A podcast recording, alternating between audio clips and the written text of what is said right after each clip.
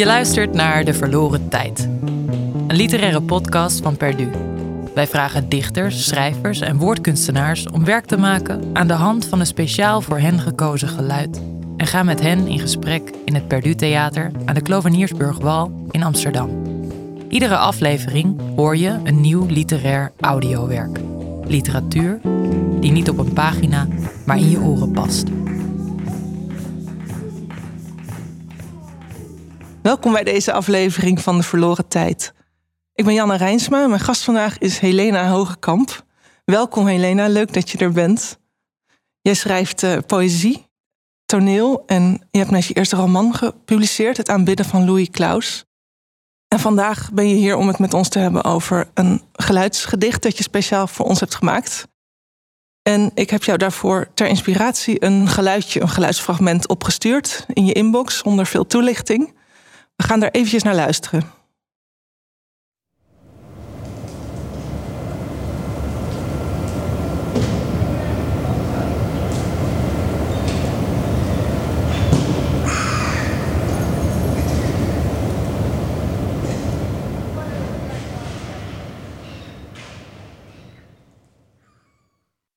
Wat maakte dat geluid uh, bij jou los? Wat hoorde je erin?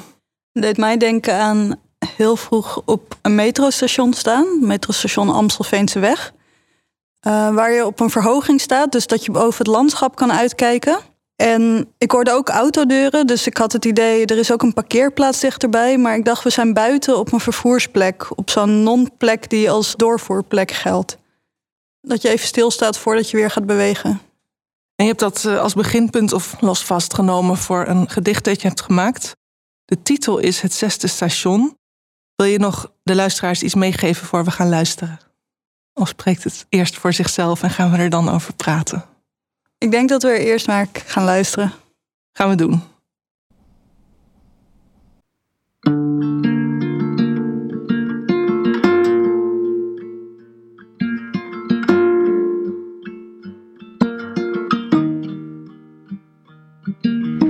Mijn moeder droomt over mij. Ik achtervolg haar de betonnen trap op, raak bijna haar jas aan. Ze wacht op de metro met een blanco gezicht.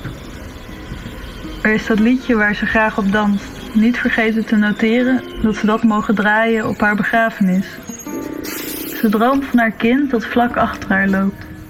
Maar omdraaien gaat al jaren niet.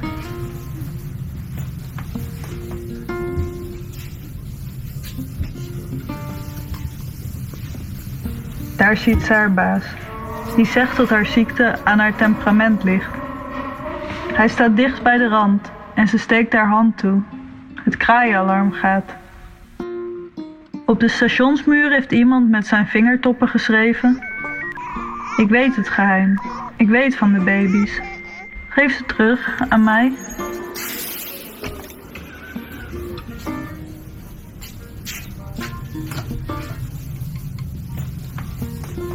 Tussen tegels en rails wuift het water. Zacht zingt ze het liedje niet, het sterven niet. Mijn moeder droomde dat ik een jongen was. Ze wist het zeker, voel maar aan haar buik. Zo zeker dat ze het eerste half uur na mijn geboorte niet controleerde van welk geslacht ik was.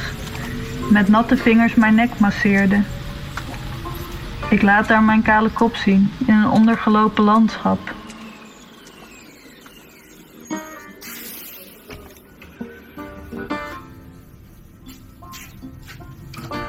Voor de metro moet ik betalen met mijn afgeknipte paardenstaart.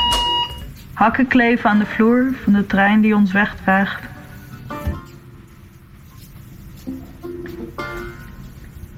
Mijn moeder stuurde mijn kerstkaart in juni. Op de achterflap stonden haar groeten. Op de linkerflap tussen aanhalingstekens. Ik heb altijd iemand willen worden, maar ik besef nu dat ik specifieker had moeten zijn.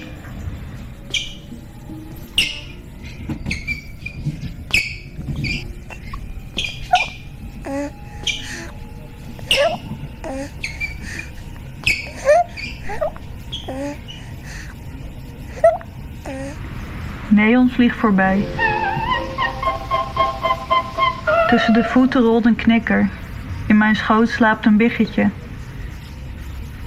Als ik er nu op terugkijk, was ze de enige moeder.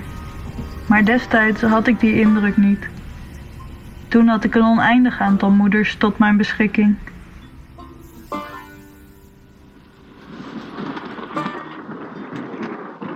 We banen ons een weg door krakende wolken. Condens schildert de ruiten dicht. De biggetjes trappelen naar de zon. Haar vleugels zijn winddicht dons. Ik vlieg met een zwembeweging. Waar denk je aan? Als mensen dat vragen, zeg ik altijd brandende paarden.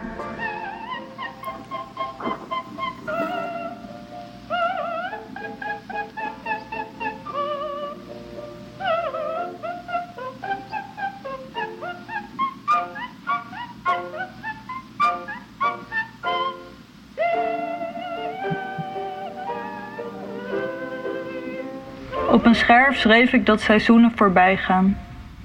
Door het glas is het ziekenhuis hemelsbreed zichtbaar. Mijn moeders vingers sluiten zich om de scherf in haar zak. Met mijn twee armen omhels ik het licht naast haar.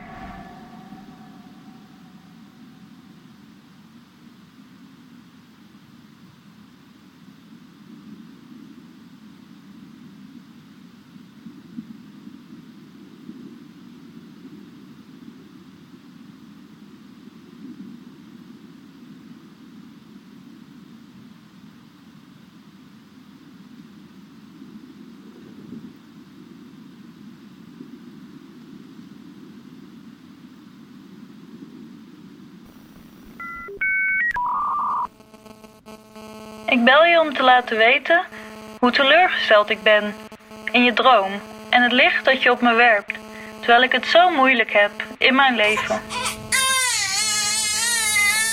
Ik stelde me voor je open, zodat de wereld mogelijk zou kunnen weten wat een geweldig, geweldig, getalenteerd, sterk, gezond meisje ik ben. Zelfs geen meisje, een jonge vrouw.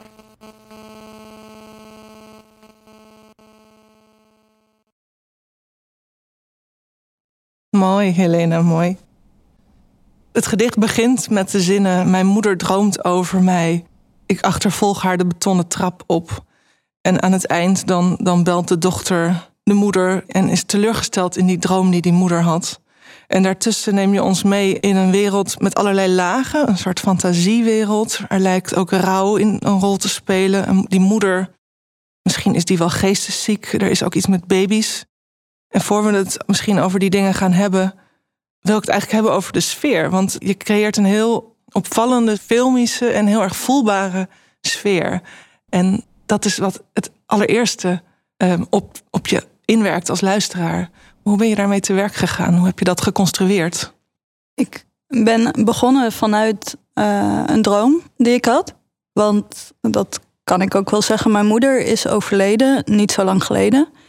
En als ik over haar droom, als je droomt over iemand die overleden is, lijkt het net of diegene op bezoek komt. En in die droom voel ik dan heel erg de energie die ik ook altijd had als zij in de kamer was. Een beetje soort gehaast en een beetje jachtig, want we waren altijd overal te laat voor. Dus ze was ook altijd een beetje aan me aan het trekken, aan mijn mouw. En met niemand die ik nu nog ken, heb ik datzelfde gevoel. Maar ik word wel altijd uit die dromen wakker met dat gevoel. En daardoor herinner ik me ook weer hoe het voelde als zij in de buurt was. En toen luisterde ik naar dat geluidsfragment van die metro. En eerst zag ik mezelf dus in mijn eentje op een metroplatform staan. En toen viel het me in, uh, zou het kunnen zijn dat als ik dus van mijn moeder droom, dat ze eigenlijk van mij droomt. Dat ik de gast ben in haar dromen. En dat zij zich mij herinnert. En zo begon het, het idee dat ik dan te gast zou zijn in haar dromen en achter iemand aan zou lopen en dat zij dat was. Je hebt samengewerkt met uh, geluidsvormgever en editor Vinnie Taylor. En die vertelde mij dat je heel duidelijk ideeën had over hoe je het wilde.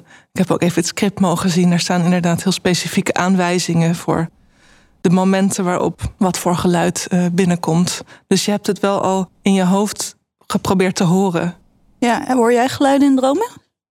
Nee, dat geloof ik niet, nee.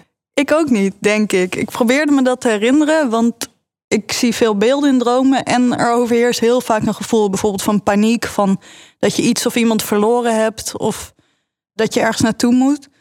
En toen ben ik vooral op die gevoelslaag gaan zitten en hoe ik die dan in geluiden kon vertellen. En wat is dat voor wereld die we dan in die droom betreden, die van de gangenstelsels in de metro's? Want dat voelt als een soort. Het voelt anderwereldlijk. Het voelt als een soort stiks die we overgaan naar de onderwereld. Of het voelt ook een beetje als een dystopische film waarin je niet weet of de mensen echt zijn, wat er echt is. Mm, in mijn droom is het in ieder geval heel veel beweging. Inderdaad, veel gangenstelsels, veel achtervolgingen. Ook vaak het gevoel, ik ben nog niet op de juiste plek. Ik moet nog ergens naartoe. En in dit audiowerk had ik bedacht hoe het zou zijn als ik mijn moeder een eindje kon wegbrengen naar die plek toe waar zij dan nu is en waar ze van mij zou kunnen dromen. Dus daarom beginnen we op een plek waar je nog stilstaat, maar staat te wachten. En langzaam is er inderdaad dat uh, de metro bestijgen en ergens naartoe gaan. En dan. Ik kom best wel tot rust in het openbaar vervoer, want je bent tegelijkertijd aan het reizen, maar je hoeft ook even niks te doen. Dus je wordt vanzelf getransformeerd of verplaatst, terwijl jij juist achterover kan zakken. Wat ik mooi vind, is hoe het gedicht een soort van vergankelijkheid, maar ook afstandelijkheid ademt. En wat ik erin hoor in elk geval is wel een soort lijnen waarin het gaat over niet gezien zijn of niet geliefd zijn of niet genoeg gezien of geliefd of op de juiste manier. En dat je dan de manier waarop je daarover vertelt of schrijft, hoe je het wil noemen, die is haast onthecht of doet bijna getraumatiseerd aan. Het is in elk geval heel onsentimenteel en heel sober. En ik ben wel benieuwd hoe je dan schrijft. Is dat de manier waarop het uit je pen vloeit al meteen? Of ben je een, een schrijver die vervolgens heel erg gaat schrappen en uitbenen? Um, ik heb inderdaad ook net een boek geschreven, Het aanbidden van Louis Klaus. En daar heeft iemand me van teruggegeven dat het leek alsof het hele boek onder water plaatsvond. Dus dat herken ik nu als je dat zegt. Mooi beeld. Ja, ik uh, denk dat voor mij een heel sterk beeld in veel dingen die ik schrijf, is het idee van achter een deur staan en dan aan de andere kant van de deur iemand horen huilen. En dat het je dan toch niet lukt om die deur te openen. En je wil het wel. En je denkt ergens misschien volgende keer. Weet je? Of als ik diegene straks tegenkom. Als diegene zelf naar buiten komt door die deur. Dan laten we er dan over praten. En dat je dan jaren later dat moment niet kan kwijtraken. Omdat je weet dat dat, dat geen futiel voorval was. En dat je dat niet had moeten laten lopen. Ik denk dat dat gevoel ook in dit gedicht zit eigenlijk een soort poging tot contact maken, achter iemand lopen. In dit geval de ik-verteller achter de moeder aan. De moeder ook, want die is boos op haar baas, die haar heeft beledigd over haar ziekte. De moeder is inderdaad ziek in dit gedicht. En die steekt haar hand uit. Misschien gaat ze hem op het spoor duwen. Maar laat dat uiteindelijk ook varen. Dus het gaat veel over het moment nemen, uh, naar iemand toe lopen, bijna iets zeggen en dat dan toch niet zeggen. En dat zit hier ook in, maar ik heb de ik verteller wel laten meereizen, zover als kon. Ja. Dus er zijn allerlei mogelijkheden die niet benut worden. Kansen die gemist worden. Eh, juist omdat die momenten zo diep gevoeld zijn en je het niet wil verpesten en daardoor misschien uh, verkeerd kiest of verkeerd beslist. In het gedicht vallen een aantal.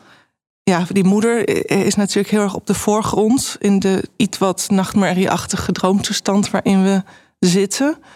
Ehm, ja, daar hangt een soort schaduw van, van dood en afscheid over het gedicht.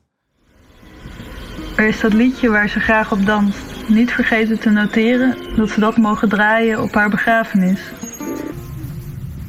Voor wie je boek ook heeft gelezen, zijn dat ook thema's die daar ook in klinken.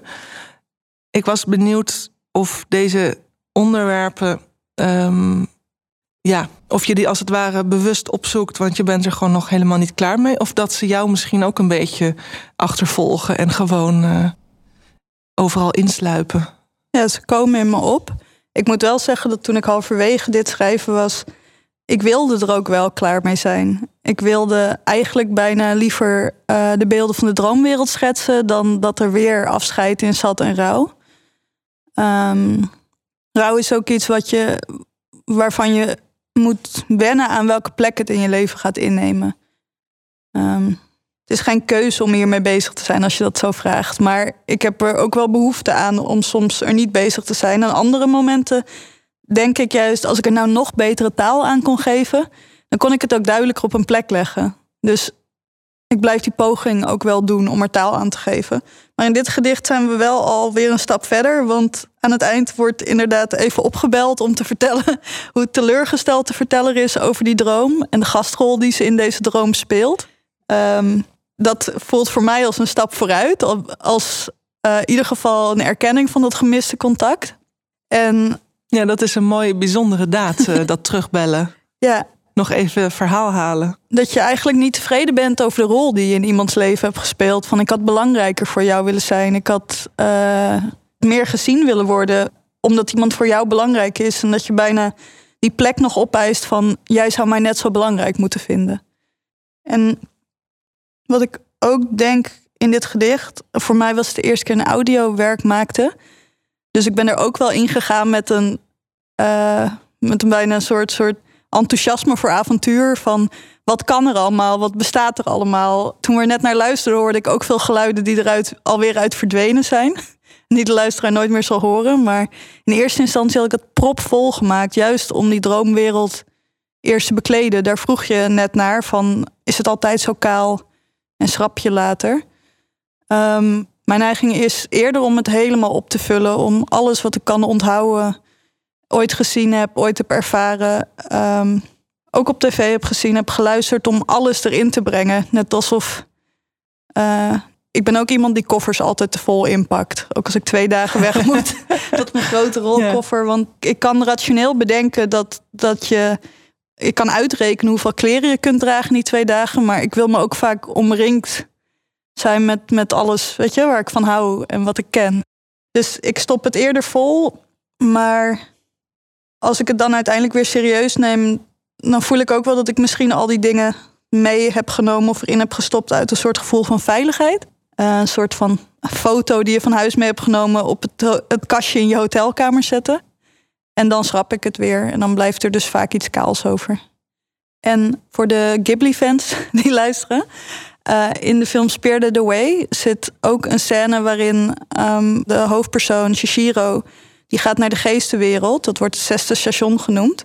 En dat zit op 1 minuut 40. Dus je hebt al, of 1 eh, minuut 40 op 1 uur en 40 minuten. Dus je hebt het gevoel van, nou, ik zit al bijna twee uur in deze film. En in een andere film zou je dan misschien hebben gezien hoe Shishiro instapt en daarna hoe ze weer uitstapt in de geestenwereld. Maar in deze film volg je gewoon twee minuten lang haar zittend uit het raam kijkend en verder gebeurt er bijna niks in die scène. En je ziet daar gewoon een soort, ja, eigenlijk een soort de overgang maken naar dat ze de geestenwereld in kan. En misschien gebeurt er in haar binnenwereld heel veel, maar wij zien niet zoveel. En die scène vond ik ook heel mooi, dat er echt een soort overgang nodig is voordat je daar aan kan komen. Dat je die, die niet kan fast forwarden of niet er, met een montage snel eruit kan knippen. En bij die scène hoor je die muziek. De Bij die scène ja, hoor je een muziekstuk, dat is pianomuziek. En ook in de verte de geluiden van stations. Dus die echoen mee. Over muziek gesproken, ik vond de opera-aria die op twee momenten opduikt heel opvallend. Wat, wat komt hij daar doen? Dat is Florence Foster Jenkins. Ken je haar? Nee. Florence Foster Jenkins was een sopraan. Um, volgens mij werd ze rond 19... Misschien nog vlak voor 1900 geboren. Maar zij heeft klassieke pianotraining ontvangen. Maar ook uh, waarschijnlijk syfilis opgelopen, waardoor haar, uh, zij neurologisch aangetast was. En zij raakte op een gegeven moment vanuit haar fortuin en vanuit haar scholing bekend in de New Yorkse uh, klassieke kringen. Zij zat in allerlei comité's, organiseerde avondjes. Maar daar kastte zichzelf ook altijd als sopraan. Terwijl zij dus heel vals zong. en het is over haar niet bekend of ze dat nou zelf wist of niet. Of zij zichzelf wel goed kon horen. Maar zij, het werd ook een soort van geheim gehouden voor haar. Door zowel haar manager als uh, haar begeleidend pianist. Die heel erg op de hele weinige uh, recordings die erover zijn. Ze hoor je hem zijn spel aanpassen. Zodat hij weet je, mee kan gaan in hoe zij zingt. En zij, zij werd steeds ouder en ook steeds bekender. En er waren ook allemaal grote componisten uit die tijd en belangrijke prominenten die altijd zeiden: Nou, ik ben zo'n fan van haar, ik vind dat geweldig. En die ook altijd kwamen opdagen op die kleine soirées die ze gaf. En toen ze bijna 70 was, ging ze voor het eerst optreden in Carnegie Hall, een grote, grote zaal. En toen kon ze dus ook voor het eerst niet controleren wie er allemaal kwamen. Omdat er volgens mij duizend kaartjes aan veteranen werden gegeven, maar ook critici kwamen voor het eerst. En die brandde dat natuurlijk helemaal af, omdat zij, ja, omdat zij gewoon echt uh, nou, heel vals zong. En toen is ze ziek geworden en ook vijf maanden later gestorven eraan, uh, aan haar ziekte. En over haar is bekend. Het is dus het mysterie van wist zij dat ze zo slecht zong. Het lijkt soms wel zo omdat ze heel erg managede wie haar kon horen zingen. Maar ze ging ook totaal op in die wereld met heel uitgebreide kostuums en dus hele hoge vooraanstaande mensen die dan mochten komen. En ze zei er in ieder geval over dat, uh, dat mensen zouden kunnen zeggen dat ze niet kon zingen. Maar dat niemand kon zeggen dat ze niet had gezongen. en ik weet nog toen ik mijn boek aan het afronden was, wat een heel onbestemde tijd was. En waarin je gewoon helemaal nog niet gaat weten of iemand erop zit te wachten. Dat ik heel veel naar Florence Foster Jenkins luisterde. Uh, het is heel vals, maar ik vond het idee, maar ik heb gezongen, vond ik zo mooi. Dus daarom wilde ik uh, Florence ook meenemen in deze droom. Uh, het zijn de groeten aan Florence in dit gedicht. ja, ik vind dat zij ook iemand is die in een droom leefde, in een zelfgecureerde droom. In een droom van dat zij een succesvol sopraan was, hoog gewaardeerd. En ook het idee dat een hele groep mensen samen met haar haar droom in stand hield voor haar, vind ik heel fascinerend. Mooi, mooi verhaal om te weten dat dit uh, mee, mee echoot. Op een gegeven moment uh, valt er een stilte in. Kan de luisteraar best wel eens denken dat het is afgelopen. Maar dat is niet zo. Van waar die keuze om zo de luisteraar even op het verkeerde been te zetten? Ik wilde ook zo'n overgangsmoment creëren. Een moment waarin er echt afstand wordt genomen van de droom. Waarin er misschien wakker wordt geworden. En waarin je, als je wakker wordt en probeer je nog, ik dan, die droom nog te grijpen. Te onthouden van wat er nou zo belangrijk was. En in mijn geval dus dan, als ik over mijn moeder heb gedroomd, ook dat gevoel vast te houden. En het niet weer te vergeten hoe het voelde. Maar dat raak je gewoon kwijt. Het ontglipt je. En in die stilte zit denk ik dat ontglippen. En, en daarom uh, besluit ik later nog even verhaal te gaan halen. Als je eigenlijk weer helemaal wakker bent en terug. En wat is dat dan voor daad, dat terugbellen? Een poging om iemand vast te houden.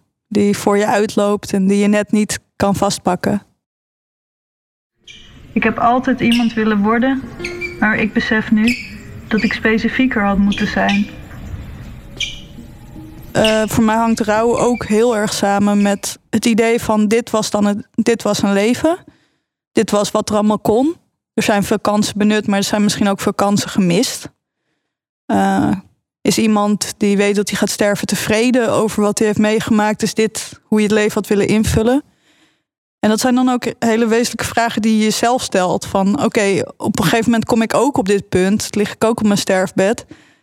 En hoe kijk ik dan terug en hoe herken ik op tijd die moment dat je iets anders had moeten doen? Dus die daad om dan op te bellen en in ieder geval je te verzetten en te zeggen: Dit is niet hoe ik in je droom had willen zijn, ja. voelt als een stap. Als ik er nu op terugkijk, was ze de enige moeder. Maar destijds had ik die indruk niet. Toen had ik een oneindig aantal moeders tot mijn beschikking. Ja. Ja, ik denk dat het idee van ervaringen soms ook is dat je, dat je inderdaad een oneindig aantal ervaringen tot je beschikking hebt. Maar ook dat je, dat je dus bijvoorbeeld de moedelijke energie bij iemand weg kan halen, of zorgzaamheid, of jij noemde straks al iets van gezien worden. Uh, dat je bijvoorbeeld het ene gezien worden door je ouders kan inwisselen voor een ander gezien worden. Bijvoorbeeld in je nieuwe relatie of in professioneel succes. Um, maar ik denk dat dat een te algemene indruk van, van gezien worden is. Dat iedereen met zijn eigen smaak en geur en uh, type gezien worden komt. Dus ik denk dat. Dat het heel specifiek ja, is. Ja, ik denk dat het specifiek is. Ik denk dat, dat in ieder geval kinderen heel sterk worden gebombardeerd met het idee van een moeder. Omdat die in veel, weet je wel, mama kwijt boekjes zitten en tv. En dat je bijna je eigen ouders daaraan toetst. Dat er een wereld bestaat buiten je eigen gezin. En in die wereld wordt dus het idee van de moeilijke ervaring neergezet. En dan toets je je eigen omgeving eraan. Van klopt mijn omgeving wel? Is mijn omgeving wel zoals in de reclames? uh, ik vond het bijvoorbeeld ook erg dat we nooit uit knorpakjes aten. Ik had het gevoel dat dat, dat, is ook erg. Helene. Dat dat de familieervaring was. Met z'n allen rond tafel zitten. Uh, ja, met een schaal met knorpakjes. En later in je leven wordt dat, wordt dat meer ingekleurd in uh, de ervaring die je hebt gehad. In plaats van de ervaring die je verwachtte dat je zou hebben. Maar daar zit voor mij soms ook nog wel een soort van boosheid in. Van zijn die verwachtingen dan onrealistisch? Uh, zijn die verwachtingen nep? Zijn die aangeleerd? Um, of kun je in ieder geval toch van elkaar vragen van... Uh, ik weet dat die ervaringen bestaan en ik verlang daarnaar. Zouden we iets meer zoals, zoals die ervaring kunnen zijn? Ja. Ja. Nou, daarnaar vragen is, is altijd goed, denk ik. Ja, ik, ik weet nog dat ik uh, zelf, toen ik heel klein was, bijvoorbeeld nog niet goed kon koken. Maar dan had bedacht van ik ga voor de familie koken, ik ga voor deze ervaring zorgen. En dan had ik ook naambordjes gemaakt voor iedereen van waar ze moesten zitten. Want dan had ik het eigenlijk ook te precies georchestreerd van dit is hoe we zullen zitten en dit is wat we zullen eten. En ik had witte bonen met spersiebonen gemaakt. Ik dacht dat dat een echt gerecht was. Dus dan had ik eigenlijk alleen maar Feestelijk. witte bonen met spersiebonen. En door de, deze hele kookpartij lachte mijn moeder me de hele tijd uit. Mijn moeder was vrij goed lachs, maar ook wel redelijk sarcastisch. Dus ik, ik was gefrustreerd van woede dat, dat niemand wou meedoen aan mijn familiefantasie. Maar um, ik heb wel jaren later dat naambordje nog uh, ontdekt in een la van haar. Dat ze dat naambordje al die jaren had bewaard. Ja, ik heb het geprobeerd. ik heb mijn best gedaan. en ik heb een, een soort van als achtjarige het hele gezin gedwongen om witte bonen en spersiebonen te eten. Ja. Mooi, Ja. heel mooi. Een bonenfestival, ja. En mooi dat je dat naambordje hebt teruggevonden, dat het eh, toch gekoesterd is. Ja. Maar toch herinner ik me ook heel erg aan het ondanks de, gelach. eh, de, de sarcastische reactie op het moment zelf. ja. Ja, Ja, nou ja, dat, dat is denk ik ook wel. Ehm, dit is misschien, ik maak soms best onderkoelde dingen. Ehm, maar ik hoop ook altijd wel dat er dat, er dat dubbele in zit. Dat ehm, je kunt boos zijn en je eigen situatie tegelijkertijd grappig vinden. Je kunt verdrietig zijn en tegelijkertijd je wel veilig voelen en, en gedragen door een droom. Ehm, ik vind dat ook heel sterk aan het eind. Dat ehm, het heeft iets heel poëtisch verdrietigs en prachtigs om te bellen om te laten weten hoe teleurgesteld je bent in iemands droom. En de rol die je hebt in die droom. Maar het is ook heel geestig. Dat is heel knap om die absurdistische blik erop te hebben ook tegelijk. Dank je. Ik werd voor, voor het einde ook geïnspireerd door reality-televisie. Ehm, ik ben altijd heel gefascineerd door mensen die, die ten eerste zo groot hun emoties op het moment dat ze ze hebben meteen kunnen laten zien. Eh, die, die, het, ja, die zichzelf aan kunnen zetten. En als ik boos ben, zul je ook merken dat ik boos ben of verdrietig of teleurgesteld. En die tegelijkertijd praten, terwijl die emotie misschien eerder aankomt rollen dan dat ze weten wat ze willen zeggen. En er is een heel bekend fragment van ongeveer tien jaar oud, waarin uh, een meisje van 16, 17 uit een reality show is geïnterviewd in een magazine. En zij is, uh, zij is op dat moment uh, onder verdenking van een misdaad die ze heeft gepleegd. Ze heeft ingebroken met een groep vrienden bij het huis van Lindsay Lohan en van Paris Hilton om, om hun kleding en sieraden te stelen. En vervolgens foto's van zichzelf te nemen in die kleding en sieraden. Wat natuurlijk heel dom is. Dus daarvoor moet ze naar de rechtbank. En daarover is ze geïnterviewd in een, uh, in volgens mij een Vanity Fair. En in dat interview heeft ze de hele tijd verteld dat ze op een dag een land wil leiden. En dat ze denkt dat ze een weldoener zou kunnen zijn, zoals Angelina Jolie. en als uiteindelijk dat interview uitkomt, staan die uitspraken er wel in. Maar uh, in combinatie met het feit dat ze dus uh, inbreekt in huizen van sterren om zich te kleden zoals die sterren. En ze flipt helemaal door. Ze begint te huilen en te schreeuwen. En ze probeert dan op de voicemail van die journalist in te spreken dat ze echt niet tevreden is met hoe ze geportretteerd is. Dus daar heb ik dat idee van dat je, dat je terugbelt om te zeggen ja. ho, ho, ho. Maar in dat interview, wat in het echt bijna tien minuten duurt, zegt ze allemaal dingen over zichzelf. Van, van ja, ik heb dit interview gedaan zodat jij kan laten zien hoe how amazing I am. Ja. Eh, en zij heeft dus ook een moeder die heel erg gelooft in haar sterrenstatus. En die loopt heel huilend om haar heen en zegt: You rock, sweetie. Great, great, great way of expressing yourself. Oh, wauw. Dus de moeder heb ik er nu Wat uitgelaten. heerlijk. Zo'n moeder wil iedereen. Ja, maar dat was ook echt een prachtig moeder-dochter moment. En zij gilt ondertussen heel tegen haar moeder eh, van praat er niet doorheen, want anders moet ik deze voicemail opnieuw inspreken. En huilen en krijsen. Ehm, dus iets van die energie heb ik geleend. En ook iets van die taal, want ik vond het geweldig dat je huilend tegen iemand krijst, eh, dat, dat het verhaal niet heeft laten zien hoe gezond jij wel niet bent. Ja. Ja. Oh, geweldig. Heel mooi. Nou, dat gaan we nog even opzoeken misschien. Maar misschien ook niet, want misschien is jouw gedicht wel veel mooier. ik hoop dat het allebei. ehm, ik hoop dat het allebei kan bestaan. Dat zou ik in proza doe ik dat niet snel. Eh, dingen zo eh, die ik dan op heb gepikt in taal, dan gebruik ik bijna altijd taal die ik of verzonnen heb of die ik iemand gewoon heb horen zeggen.